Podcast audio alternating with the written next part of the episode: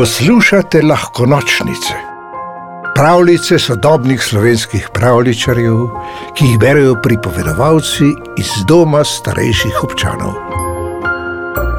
Čudežna naprava. Tistega dne se niso ženili samo ptički. Prav takrat sta se poročila tudi kralj in kraljica.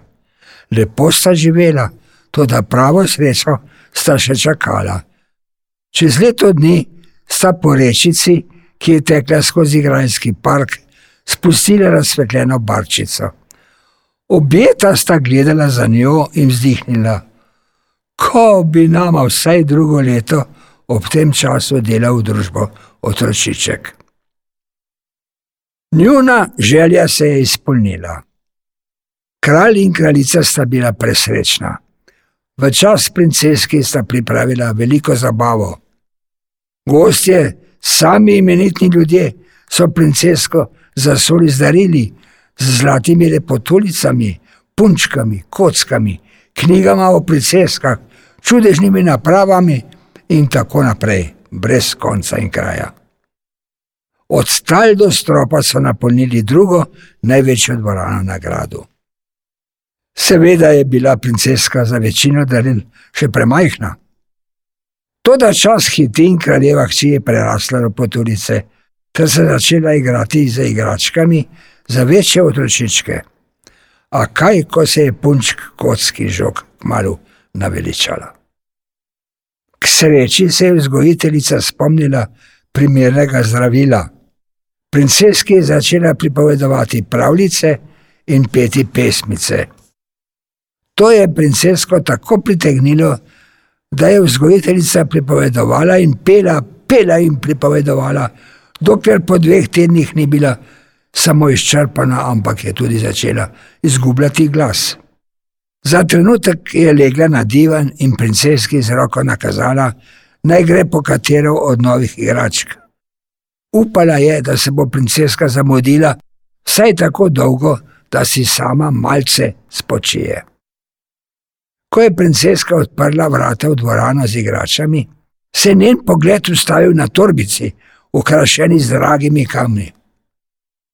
Segla je vanjo in ven potegnila. Kaj pa je to, se začudila? Nenavadni predmet je obračala in se ga ogledovala z vseh strani. Medtem je prehitela vzgojiteljica, ki jo je stisnila ob misli, da princeska sama hodi po gradu. Ko je videla, kaj ima princeska v rokah, je pomislila, da bi na mesto nje lahko princesko zabavala čudežna naprava.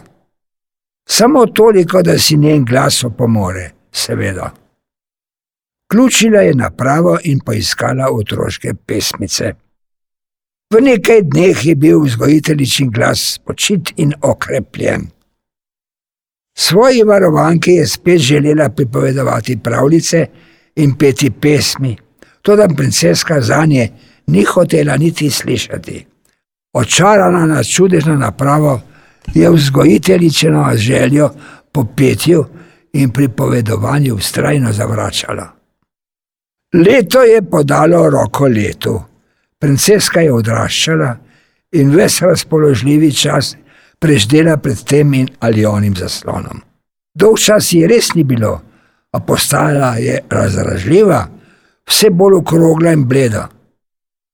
Ko so na grajska vrata začeli trkati princi, od blizu in daleč, princeska za nje ni imela časa. Vsakič se je ravno dopisovala s tem ali onim od svojih sedem tisoč sedemsto sedeminsedemdeset prijateljev, in se pri tem ni dala motiti. Končno je kralj v skrbi, da bo kraljevski rod izumrl, obljubil ne samo princeski na roko, ampak tudi pol kraljestva tistemu, ki mu bo princesko uspelo odtrgati od elektronskih naprav. Ko so prvemu snupcu pokazali do princeskinih soban, je princeska gledala svoj najljubši film. Če me vzameš za moža, boš lahko gledala filme od jutra do večera, jo je nagovoril princ. To lahko počnem že zdaj, je rekla princeska. Poklicala stražo in je velela naj princa odvede z gradu. Drugi snubec je prijezdil iz sosednjega kraljestva. Bil je odločnejši od prvega. Brez odlašanja je stopil na naprave in je ugasnil. Ven je zakričala princeska, da se stresel grad. Princu je bilo v trenutku jasno, da si takšne princeske ne želi za ženo. Tretji snubec ni bil kraljevskega rodu. Prišel je na vse zgodaj, ko je bil grad še zavit v jutranji mrak. Princeska je dolgo v noč bedela pred zaslonom, tako da je še trdno spala. Ko se je končno zbudila, je hotela najprej preveriti, ali na spletu kaj novega. Toda, niti ena od naprav ni delala. Ja, kaj je zdaj to, je zaupila, da so hkrati pritekli kar trije stražavniki, takoj po računalničarju. Snubec pred vrati je že čakal na te besede.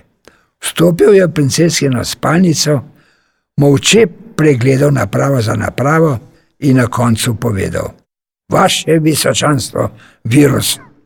Kakšen virus? se je razjezila princeska. Računalniški virus je skomuznil mladenič. Takoj ga preženite, če nočete biti ob glavo, je zaupila princeska. Takoj žal ne bo šlo, je odvrnil fant. Vsaj kakšen teden bo trajalo. Kaj? je poskočila princeska, potem pa bruhnila v jok. Umrla bomo dolgo časa, je hlipala v besu in obupu hkrati. Morda vam lahko kako pomagam, je rekel mladenič. Kako le? je skozi solze vprašala princeska. Lahko bi vas pelel na izlet. Na izlet? je vprašala princeska. Kakšen izlet? Še nikoli nisem bila na izletu. Skrajni čas, da to popraviva, je odvrnil mladenič. Svet je mnogo večji in lepši, kot si morda predstavljate. In sta šla.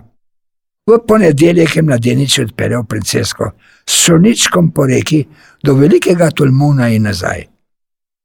V torek sta se z motorjem odpeljala na deželo, v sredo z nihalko na vrh gore in tako dalje, vse do nedelje, ko je mladenič princesko zaprosil za roko.